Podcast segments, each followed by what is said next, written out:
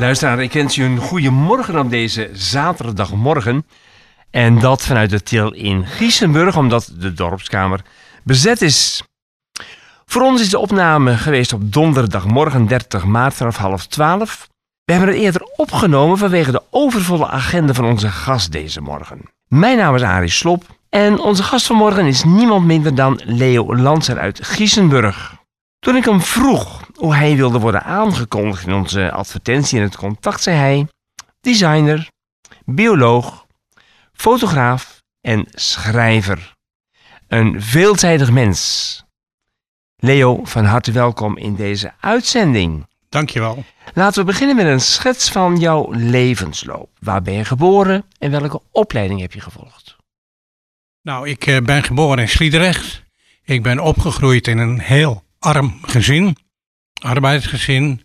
En ehm, nou ja, normaal gesproken eh, wil je naar, eh, naar de MULO of wat dan ook, wat je deed, MAVO, eh, wil je verder studeren, verder leren. Maar dat mocht niet van mijn vader. Want hij zei nee, jij moet gaan werken, je moet kostgeld binnenbrengen. Hè, dat is essentieel voor ons. Ehm, daar ben ik uh, fel tegenin gegaan. En ik ben naar een avond geweest waar uh, uitgelegd wordt wat een pedagogische academie was. weet je wel, om onderwijzer te worden. En ik heb gevraagd aan de directeur van de school of hij eens een avondje met mijn vader wilde praten. Nou, het is een hele avond geworden.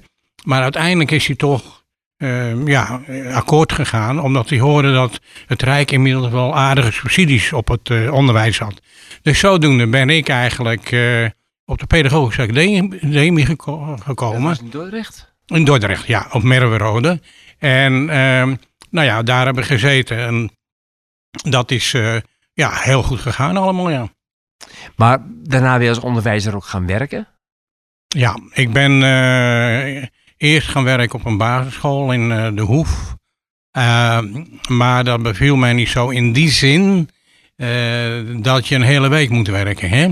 En tegenwoordig is het wat anders. Dan je, iedereen kan onderhand parttime werken. Dat dus leerlingen vier onderwijzeres hebben in de klas. Um, maar toen was het niet zo. Toen moest je verschijnen een hele week. Maar ook inclusief stropdas om in, in pak. Want anders dan mocht je niet voor de klas staan. Dus een heel andere tijd. Maar het punt was voor mij wel tijdens de Pedagogische Academie had ik biologie gehad. Van een enorme enthousiaste leraar biologie. Nou, je mag best weten, ik vond het flauwekul biologie. Dat is echt iets voor watjes, vond ik. Ook die mensen in moestuintjes en zo. Ik vond het helemaal niets. Maar door die man ben ik zo ja, geïnspireerd dat ik uh, op een gegeven moment dacht, nou weet je wat ik ga doen? Ik ga naar het uh, voortgezet onderwijs. Ik ga biologie studeren. Dus heb ik biologie gedaan. En daardoor kon ik dus bijvoorbeeld onder andere op Ouwhoven uh, twee of tweeënhalve dag lesgeven. Maar ik hoefde niet de hele week. Ben je toen gestopt als onderwijzer op de basisschool, de lagere school zoals die toen heette, toen je ging studeren? Ja, toen ben ik gestopt op de basisschool. En uh, toen ben ik verder gegaan uh, het voortgezet onderwijs. En uh, ja, eerst heel laag. En zo'n zo'n huishoudschool noemden we dat vroeger, hè. Maar heel erg leuk, heel erg interessant. Vond ik toch wel, was helemaal kleinschalig. Maar daarna ben ik naar ICA gegaan en, en voortgezet onderwijs. Om maar waar daar... heb je biologie gestudeerd dan? Biologie? Ja. Ja, nou, dat kon in die tijd eerst gedeeltelijk in, in Dordrecht ook. En daarna in Utrecht. Maar de studie biologie heb je afgerond? Ja. Ja. Helemaal? Ja, ja, ja, ja, ja. Want uh, dat was best wel pittig. Van, uh, we begonnen met 50 mensen, geloof ik. En uiteindelijk uh, zijn er met 12 geslaagd. Dus toen was het nog echt een pittige ja, studie. En daarna ben je dus biologie les gaan geven, zeg maar. Ja. Hoe lang heb je dat gedaan? Poeh, poeh, poeh. Dat weet ik niet exact meer uit mijn hoofd. Maar ik denk een jaar of twintig of zo. Iets in die geest. Zo lang toch? Ja, ik uh, was tweeënhalve dag, twee dagen, tweeënhalve dag, gaf ik les. En één stuk, hè. Dus niet uh, allemaal losse uren, maar in één stuk. En daarnaast uh, wilde ik wat gaan doen in de kunst, een eigen zaak beginnen. En daar ben ik mee begonnen in 1983. En ben ik mijn eigen zaak begonnen. Waar komt die liefde voor fotografie vandaan? Want dat, dat was uiteindelijk je doel. Nou ja, weet je, eh, als je mijn boek eh, gelezen hebt, De Holle Boom, dan eh, weet je dat ik eh, jarenlang in een internaat heb gezeten. En ehm, daar was een oom die eh, verliefd op me was, dat mag ik echt wel zeggen. Eh, allerlei prioriteiten kreeg, maar die ook gek was van fotografie. En die heeft mij een hoop dingen geleerd. En later ook nog een amateur in Sliedrecht, die liet mij zien in, eh, hoe het werkt. Een foto eh, belichten, zeg papier belichten in de donkere kamer. En ik was er zo weg van dat je het beeld op zag komen in de ontwikkelaar. En daar was ik helemaal weg van. En toen dacht ik, daar moet ik ook in verder gaan. Mooi. Als je dan ook kijkt hè, en je hoort die schets van jouw leven, hè, waar, waar het je geboren bent, arm gezin, je opleiding, later toch de, de omslag naar biologie en daarna fotografie. Is dat nou de weg waarvan je zegt, ja, die, die had ik inderdaad moeten bewandelen? Of zou je zeggen, nou, als ik het opnieuw had moeten doen, had ik het totaal anders gedaan? Nou, eh, weet je, ik, ik had het wel wat makkelijker gevonden als ik eh, zelfstandig een studie kon eh, beginnen. En, eh, want ik wilde eigenlijk eh, eh, naar de kunstacademie. Maar ja, mijn vader zei, je helemaal betoeterd. Dat betekent als je klaar bent dat je heel je leven je hand op moet houden. Dat zag hij helemaal niet zitten. Dus uiteindelijk mocht ik naar de pedagogische academie, omdat dat veilig was. Want dan kreeg je een vaste baan, vast salaris, tot je 65, althans toen, vast inkomen. Ja, wat is er mooier? Dat was Ik bedoel, dan heb je geen zorgen meer. Nee, precies, er was er heel wat dat je het uiteindelijk toch mocht doen. Ja, nou, het kwam natuurlijk wel zo, en daar moet ik wel eerlijk in zijn. Eh, ik heb eh, biologie heel lang gegeven, maar daarnaast ook de eigen zaak. Maar die eigen zaak ging zo goed lopen dat ik op een gegeven moment 16 man in dienst had. En eh, dat vond ik ook niet prettig, want ik wilde creatief zijn. Ik was een beetje manager aan het worden. Hè? Ik zat de hele dag achter de telefoons een beetje. Dus dat wilde ik ook niet meer goed even terzijde. Ehm op een gegeven moment was het zo in het onderwijs, dat is nu anders. Ik krijg nu eh, elke dag mailtjes, alsjeblieft wil je weer voor de klas komen. Vanwege, vanwege tekort. Maar er is een periode geweest dat er te veel leerkrachten waren. En die moesten er dan uit. En dat waren allemaal de leerkrachten die dus eh, heel kort, eh, ja, maar korter eh, les gegeven hadden dan anderen die al jaren les gaven. En eh, nou, dat was bij mij op de school dus ook zo. En één was nog een leraar biologie. En die was, eh, zou eruit moeten, had een huis gekocht, eh, jonge kindjes enzovoort. Toen dacht ik, ja, dit kan toch eigenlijk niet. Dus toen heb ik gezegd, neem jij mijn baan maar. Dan ga ik verder helemaal in de zaak. Neem jij mijn baan maar. Nou, hij heeft me geloof ik eh, bijna willen zoenen. Maar eh, in ieder geval eh, zo is gegaan dat ik uit het onderwijs ben gestapt. Maar zat jij, toen je in die fotografie terugkwam, zat je toen al in Giesenburg met je studio? Nou ja, ik zat in, in, in, in- ik woonde hier in Giesenburg, Giese Ouwkerk. En daar heb ik op een gegeven moment een hele oude varkensschuur gekocht aan de Giesen. En ik heb altijd gezegd, ja jongens, het gebouw is weggegaan omdat het heel slecht was. Een nieuw pand neergezet. Maar de bewoners zijn altijd gebleven.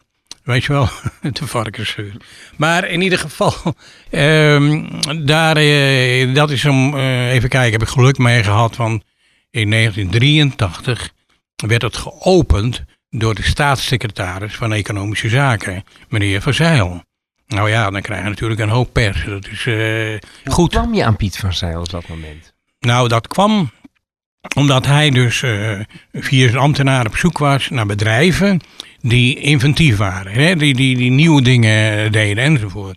Nou, zo was ik toen bezig al heel vroeg met, eh, met eh, computers, maar vooral ook met panoramafotografie. Ik was de eerste in Nederland die begon met panoramafoto's te maken. En dan kon je de camera instellen, een Zwitserse camera, op eh, 180 graden, maar ook 360 graden. Rondje helemaal rondom. En ehm, ja, dat was wel een nadeel, want als je één foto gemaakt had, eh, dan eh, was je hele filmpje vol gelijk. Dus het was nogal eh, heel gedoe. En die filmpjes moesten ontwikkeld worden. En dan kan pas zag je, oké, het is gelukt, ja of nee. Nou, ik heb onder andere voor de Rabobank heel veel eh, van die panoramafoto's gemaakt. En ook andere bedrijven. En dat was hen opgevallen, dat wij inventieve dingen deden. Vandaar dat hij gezegd heeft, ik vind het fijn om jouw studio te mogen openen. Maar daar heb ik heel veel vibratie van gehad. Dat weet ik wel. Nou ja, kijk, hij zou dus eh, op een vrijdagmiddag eh, de studio openen. Nou, alles in werking gebracht. eh, je weet, uitnodigingen enzovoort. En allerlei andere dingen geregeld. Heel mooi banket geregeld. Je snapt dat wel, dat moet wel. maar het probleem was dat ineens in die week dat we open gingen, de eh, mensen gingen staken. De vuilnis, eh, de post en, en noem maar op, nog een paar groepen, die gingen ineens allemaal staken. Dus je begrijpt wel, op vrijdagmiddag moest dan het kabinetsberaad komen, want ja, er was eh, paniek natuurlijk in het hele land. Nou, dat zorgde er ook voor dat ik bijvoorbeeld mijn uitnodigingen, waar ook een panoramafoto op stond, eh, hebben zelf moeten bezorgen door heel Nederland. Want de post staakte. Dus ja, eh, wat doe je dan? Nou goed, dat is allemaal geregeld met allerlei mensen. Maar eh, ja, het was dus heel spannend of die zou komen. Want de kabinetsraad, nou ja, waarschijnlijk, dat had ik wel gedacht eindelijk hoor, van stuurt hij wel een ambtenaar. En dan, nou ja, oké, het is niet anders. Maar wat heeft die meneer gedaan? het was heel bijzonder. Hij heeft op een gegeven moment, eh, is hij toch naar mij toegekomen. Maar ja, eh, eh, vier uur, vijf uur druk op de weg, files enzovoort. Hij is met de dienstwagen gegaan. Daarvoor twee motorrijders van de politie. En over de vluchtstrook is hij gereden. En zodoende kwam hij toch op tijd. ja, ja. En, dat, en dat was natuurlijk voor het dorp leuk, want er is natuurlijk een hele toestand eromheen enzovoort. Ja, maar daar heb ik gewoon geluk mee gehad. Als je bij jou in de studio komt, zie je foto's van allerlei bekende mensen. Eh, wat, wat zijn de bijzondere opdrachten voor jou geweest? Nou ja, kijk, bijzonder was op een gegeven moment, ik heb ook een, eh, ben begonnen met een eh, magazine uit te geven. Een business to business magazine, het eerste in de hele regio. En dat was een vrij chique uitvoering. En daar, in deze til, is de eerste nummer overhandigd aan alle burgemeesters uit Alberswaard, Vijfverenland en Dordrecht, Sliedrecht, noem maar op. Nou, dan moet je tegenwoordig voorkomen, dat lukt niet meer. Maar toen was het nieuw. En ehm, ja, daardoor gingen wij ook reportages maken en kwamen we bij veel BN'ers eh, ook thuis. En, eh, maar die BN'ers vonden het ook wel leuk als ze bij mij in de studio foto's konden maken, laten maken. Ook eh, politici, die dus eh, graag eh, een mooie foto de poster wilden hebben. Nou ja, zo kwam het van het een het andere. En eh, dat was natuurlijk best bijzonder. Maar wat ik eruit geleerd heb, zijn allemaal gewone mensen. En ja, het wordt door de pers allemaal flink opgezweept. Maar het zijn gewone mensen. En vooral thuis kun je de meest leuke dingen ja, meemaken, gesprekken. Hè, met Jo Braakhekken, weet je wel, die wilde in zo'n dure restaurant, de garage, wilde die ons ontvangen. Ik zei, nee, dat doen we niet, dat ga, dat ga ik niet doen. Je moet ze niet in de zakelijke sfeer ontvangen. Dus zijn we bij hem thuis geweest en dat vond hij eigenlijk hartstikke gezellig, het interview. En toen zei de jongen, weet je wat, ik ga koken voor jullie. En heel de avond heeft hij staan te koken voor ons. Ja, en zo zijn er meer van die dingen geweest waar je van denkt, jongen, net als eh, ik moest een foto maken van, eh eh, hoe heet die, het PVV-leider. En eh, nou ja, dat was het probleem natuurlijk, want hij werd zwaar beveiligd. Dus ik moest in zijn kantoortje interviewen, maar ook foto's maken. Ik zei, ja, dat, dit, dit slaat nergens op. Dus ik ben naar de beveiliging gestapt en ik heb gezegd, jongens, ik moet een goede foto maken. Ik wil daar en daar in dat gebouw, Tweede Kamer, wil ik een hele mooie portret van hem maken enzovoort. Nou, uiteindelijk kreeg ik, eh, ja, ja, kreeg ik eh, toestemming. Maar met drie beveiligers omheen, weet je wel, zoiets. Maar goed, leuk om dat eh, mee te Heb je maken. foto's van leden van het Koninklijk Huis gemaakt? Ja, ja. Ik, ehm, redelijk wat, moet ik ook zeggen. Ehm ja, Prinses Irene hebben we een interview mee gehad. Uiteraard maak ik dan ook foto's. Maar ook heel mooi, op 4 en 5 mei word ik meestal uitgenodigd. eh, in Amsterdam. Nou, dat is dus natuurlijk eerst dodendenking. Eerst een kerkdienst waar absoluut niet gefotografeerd mag worden. Ehm, dan, eh, daarna eh, gaan we allemaal bloemen leggen en kransen. En je kent dat wel? En dan loop je tussen die menigte door. Nou, dat is zoiets bijzonders om mee te maken. Maar na afloop gaan we naar de sociëteit daar in Amsterdam. En daar komen alle politici bij elkaar. Iedereen wil dan gezien worden enzovoort. En ook het Koningshuis komt dan soms. Maar op 5 mei, dat is ook wel heel mooi, ehm, word je uitgenodigd op het feest op de gracht. Ja, Eh, fantastisch mooi. Maar het leuke is dan dat je, op althans ik mag dan, eh, waarom weet ik nog steeds niet, eh, op, het, op de boot komen van koningin, toen nog beter, ik zeg maar. En ehm, nou, dan eh, gaat op een gegeven moment de camera een kwartiertje naar links, zou ik maar even zeggen.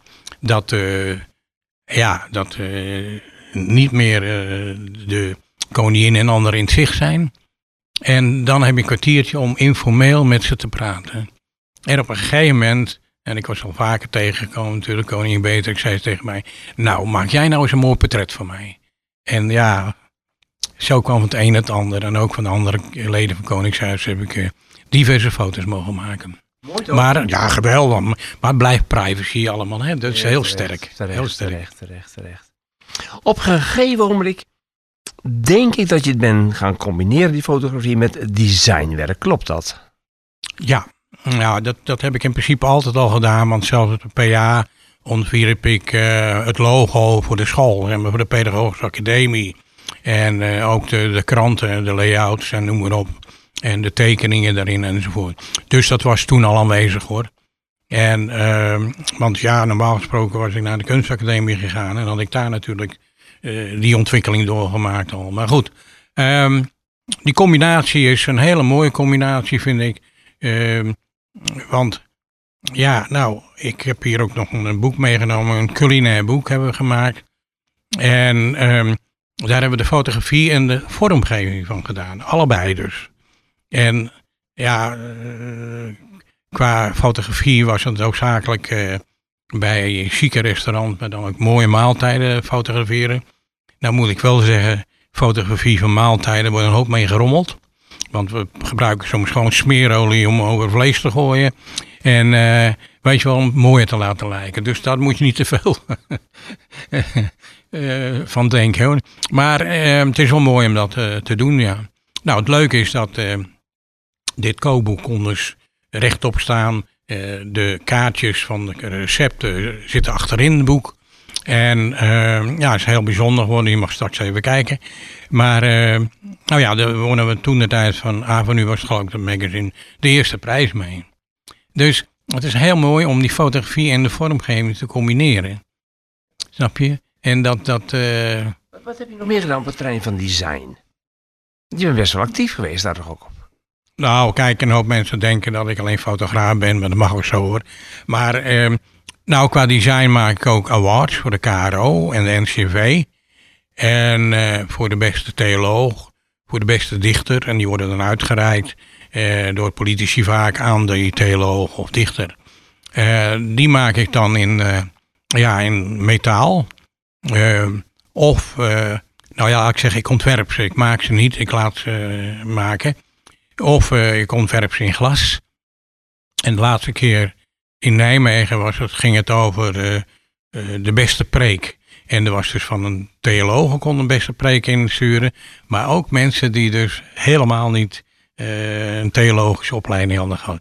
En allebei krijgen dan een mooie prijs. De preek van de leek. Ja, en, maar het probleem vond ik, wat, wat maak je nou hè, eh, eh, met eh, de theologen? Ja, hoe kun je daar een mooie prijs van maken? En toen heb ik het in glas gemaakt, eh, in vuur en vlam. Want als je een goede preek hoort, eh, ja, dan kom je in vuur en vlam. En dat eh, vonden ze wel heel mooi, eh, vuur en vlam in glas. Mooi. Dus jij ontwerpt, maar je maakt uiteraard niks. Dat laat je allemaal doen. Ja, het meeste laat ik doen. eh, en waarom? Sommige dingen zou ik zelf kunnen. Maar eh, ik, ik, ik neem er de tijd niet meer voor. Ik vind het veel leuker om eh, veel meer dingen te doen. Dan dat één ding bijvoorbeeld, net als een beeldhouwer, een half jaar of een jaar bezig is met beeld uit te haken. Ik vind het knap van, zo daar niet van. En ik heb ook dat materiaal, want ik heb het vroeger ook gedaan. Maar ik vind het nu veel te lang duren. Precies. Er zijn nog veel leukere dingen om te doen, vind Ja. ik dan. Als je nou fotografeert, je ontwerpt, heb je een bepaald levensmotto. En in hoeverre is de, ja, zeg maar de, de, de armoede uit, uit je gezin van invloed geweest later op je werk eventueel?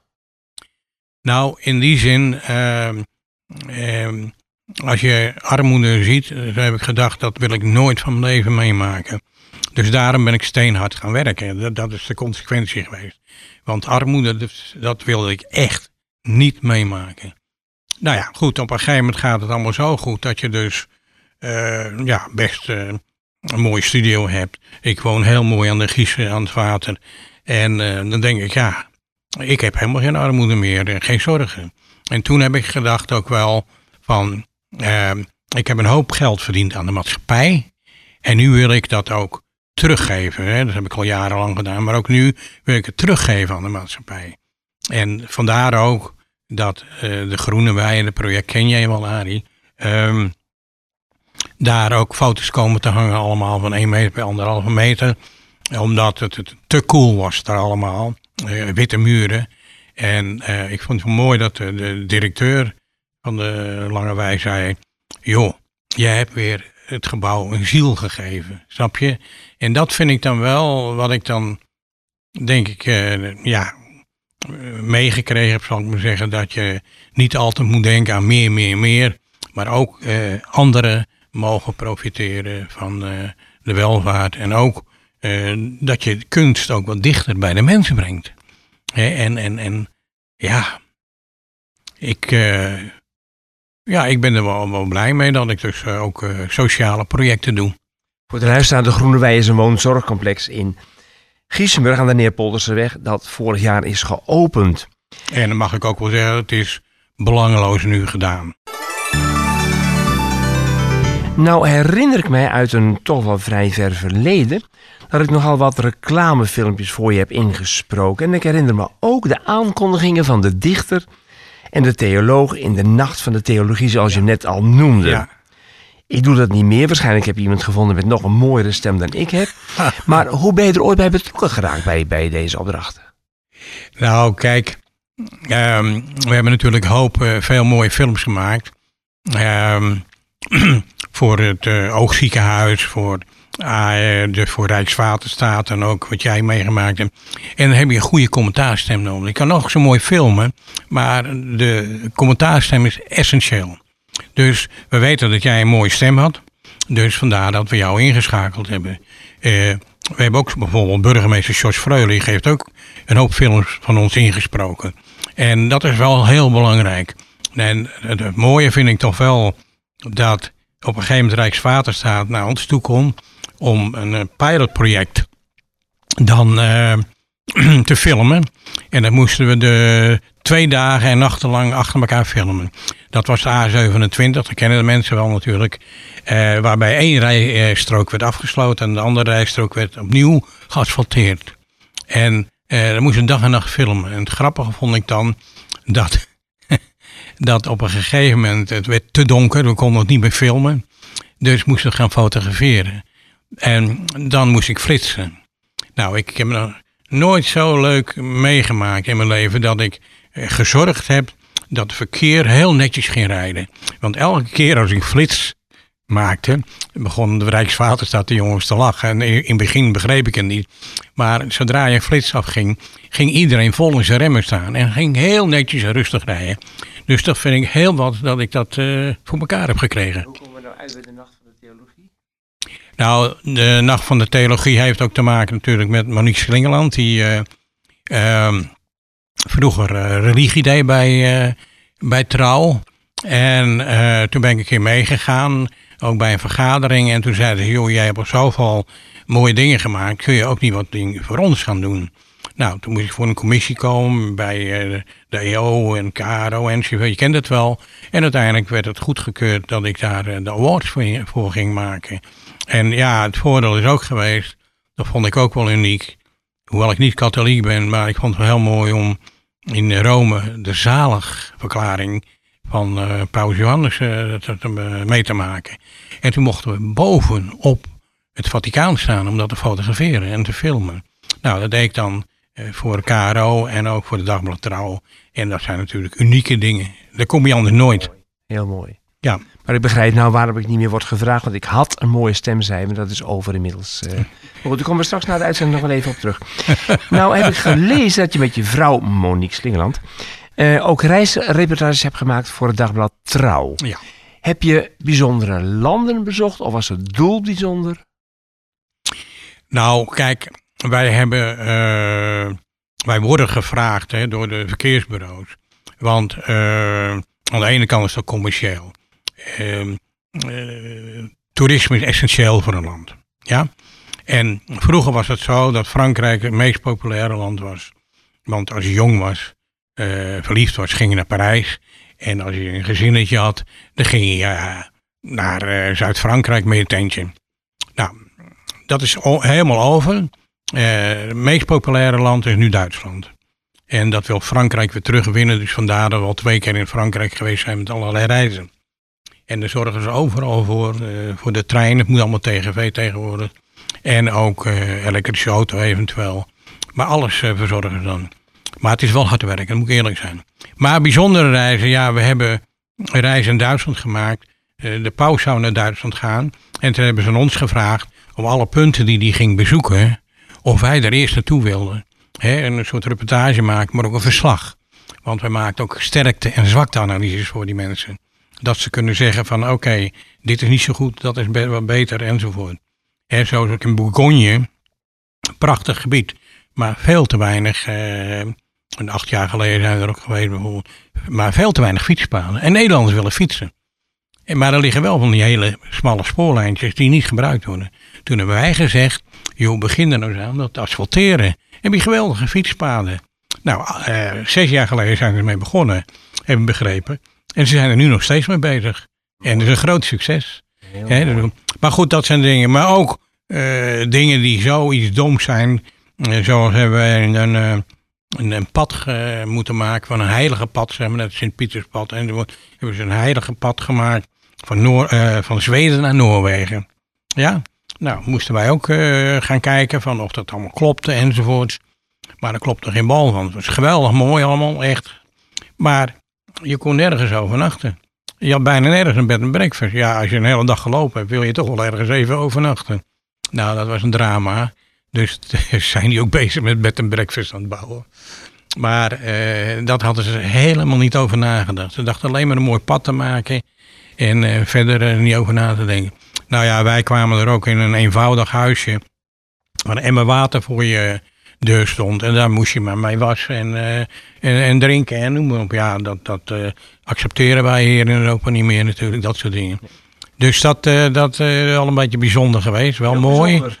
Ja, mooi hoor. Ja, maar wij kijken dan eigenlijk met toeristenogen en zeggen: jongens, dit kan je niet maken. Als je bijvoorbeeld wilde douchen, dan moest je ergens met de auto kwamen ze dan ophalen. En dan moest je naar de sporthal. En dan moest je daar douchen. En dat is de enige mogelijkheid. Zulke dingen. Ja, kun je niet maken. Hebben we gesproken met je over fotografie, vormgeving, reizen, maar je bent ook schrijver.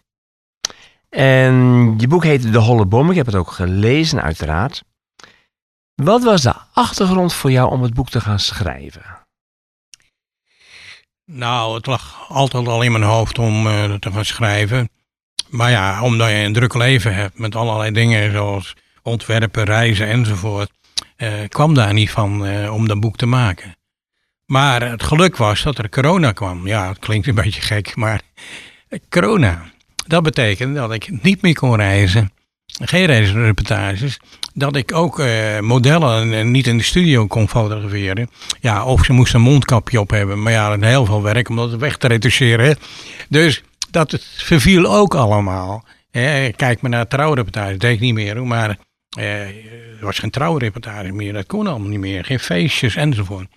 Dus voor mij, snap je, viel ontzettend veel werk uh, weg. Ik kon nog wel ontwerpen, maar verder fotografie, dat was bijna afgelopen. Dus toen dacht ik, ja, ik heb eigenlijk niet echt veel te doen. Nou, dan ga ik mijn boek maar schrijven. Want een boek schrijven betekent wel natuurlijk heel sterk gericht, uh, heel lang, weken, maandenlang, op dat boek. Hè? En eromheen moet je niet afgeleid worden, want dan gaat dat niet goed. Dus ja, zo eigenlijk is het boek ontstaan, dankzij de corona. Wat is de kern van het boek? Nou, eh, het heet de Holle Boom en dat zegt aan de mensen eigenlijk niks in eerste instantie. In, uh, in Hilversum hebben we een holle boom. Helaas is die weggehaald. Maar dat was een boom met heel veel takken waar het zand onder vandaan was gegaan. En daar kon je dus gewoon in die, die takkenkrant, zeg maar, kon je, was een soort hutje, zeg maar, daar kon je zitten. En dan zat je dus onder een boomstam, dat was heel bijzonder. En dan hadden we dus, omdat ik daar in een internaat zat, eh, gingen we er nog naartoe om daar verhalen te vertellen enzovoort. En, uh, nou, maar in die holleboom zijn bijzondere dingen gebeurd. En vandaar die titel Holleboom.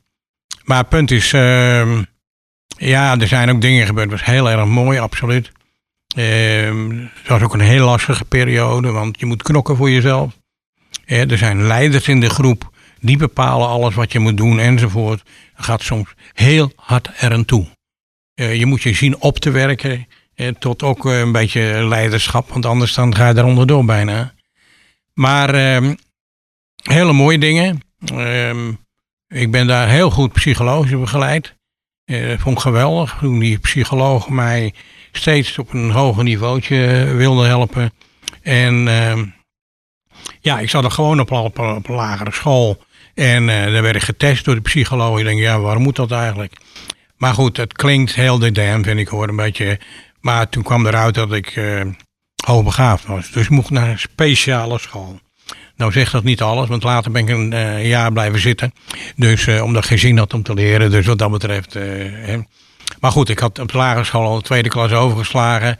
Dus ze wisten al een beetje wat. Maar mijn ouders, nou, zagen dat allemaal niet zitten. Weet je wel, dat soort dingen. Maar um, er zijn ook ernstige dingen gebeurd als misbruik. En dat heb ik daar willen beschrijven zonder echt een geschiedenisverhaal te maken of een, een beschuldigende vinger. Nee, ik heb het gewoon uh, laten gebeuren zoals het gebeurd is. En het mooie is dat uh, landelijk er aandacht aan besteed is. Uh, allereerst in alle bibliotheken ligt mijn boek, omdat ze daar recensie over geschreven hebben. Maar ook in het landelijke blad Zorg en Welzijn ehm, hebben ze daar vier pagina's aan besteed. Omdat zij vinden dat als je dit boek leest, dat je daardoor eerder als zorgverlener uh, in de gaten hebt dat er iets fout gaat. En dat vind ik het mooiste compliment wat je kan krijgen. Dus inderdaad een mooi boek om uh, te lezen. We gaan richting uh, het einde van dit gesprek. Nou, nou behoor je inmiddels tot de mensen die toch een wat hogere leeftijd hebben bereikt. Heb je nog plannen voor de nabije toekomst? Ja, nou ja, weet je, ik, uh, ik ben in die zin niet bang voor de dood, zeg maar. Maar ik zou nog zoveel willen doen eigenlijk, zeg maar. Ik heb nog zoveel plannen. En ja, ik ben toch op leeftijd. Uh, dus dat is de andere kant. Maar ik heb nog heel veel mooie plannen die ik graag uit wil werken. Ik ben onder andere bezig om een kunstwerk te maken van uh, zonnepanelen. Ja, met gekleurd glas en dan en, als echt een kunstobject. En dat wil ik eigenlijk graag aanbieden aan onze koning, Willem-Alexander, in zijn tuin. En dat lijkt me mooi om dat uh, te ontwerpen, helemaal uit te ontwikkelen. En dan ben ik bezig met allerlei designers, uh, tenminste bedrijven die uh, uit Eindhoven, die daar heel goed in zijn. Dat, dat bijvoorbeeld is on, één ding, maar zo heb ik nog zoveel dingen die ik zo graag wil ontwikkelen. Je krijgt nog een tentoonstelling in Sliedrecht. Ja, ik krijg een tentoonstelling in Sliedrecht. En uh, dat vind ik het leuke ervan. Omdat mijn eerste expositie was ook in Sliedrecht. Toen was ik 17, 18 jaar of zo, nog studentje. En uh, dat was in een Bonkelaar. En nou, allemaal foto's hingen daar enzovoort. Maar er hing ook één foto bij die, nou tegenwoordig zou je zeggen, nou ja, maar die naakt was. Een naakte vrouw. Nou goed, oké. Okay. Um, maar het punt was, op een gegeven moment kwam AD langs. En die zette op de voorpagina die naakt. Dus nou ja, dat was gelijk bingo. Want ik kreeg ruzie met mijn opa, die was zwaar christelijk. En die zei, ben je helemaal gek geworden, dit en dat. En ik kreeg echt op een mieter. Maar goed, uh, ja, zij zo, dan uh, heb ik die fout maar gemaakt, dacht ik. Maar toen kwam na een paar weken kwam er een commissie uit met een jonkheer Huppelepup uit Amsterdam. En die commissie, die was aan het uitzoeken welke uh, werken mee mochten met een culturele uitwisseling naar Hongarije. En die expositie zou toen koningin Beatrix openen. Dus nou, mijn werk werd uitgekozen onder andere om daar ook eh, Nederland te vertegenwoordigen met de culturele eh, enzovoort. Ja, en toen was het probleem natuurlijk bij mijn opa van, ja, maar zij zijn door de overheid, dus door God ingesteld. Hè? En, en eh, hoe kun je, ja, nou ja, dan moet mijn mening zeker veranderen eh, op, het, eh, op die foto enzovoort. Dat vond ik wel heel bijzonder eigenlijk. Maar goed, het leuke is dus dat ik, waar ik eerst begonnen ben, nu ook weer een expositie krijg. En dat lijkt me geweldig om te doen. Mooi hoor. Ja. Heel mooi. Ik ga zeker kijken. Ja. Sorry. Leo, bedankt voor dit gesprek. Ja. Heel boeiend. Ik had het eerlijk gezegd al verwacht. Je bent een veelzijdig mens. En we wensen jou alle succes met datgene wat nog op je pad komt. En fijn dat je hier bent geweest vanmorgen. Ja. En voor de luisteraar, fijn dat u geluisterd heeft. We zijn er weer op 15 april. En voor nu een goed weekend gewenst. En we gaan weer terug naar de studio in Nieuw-Lekkerland.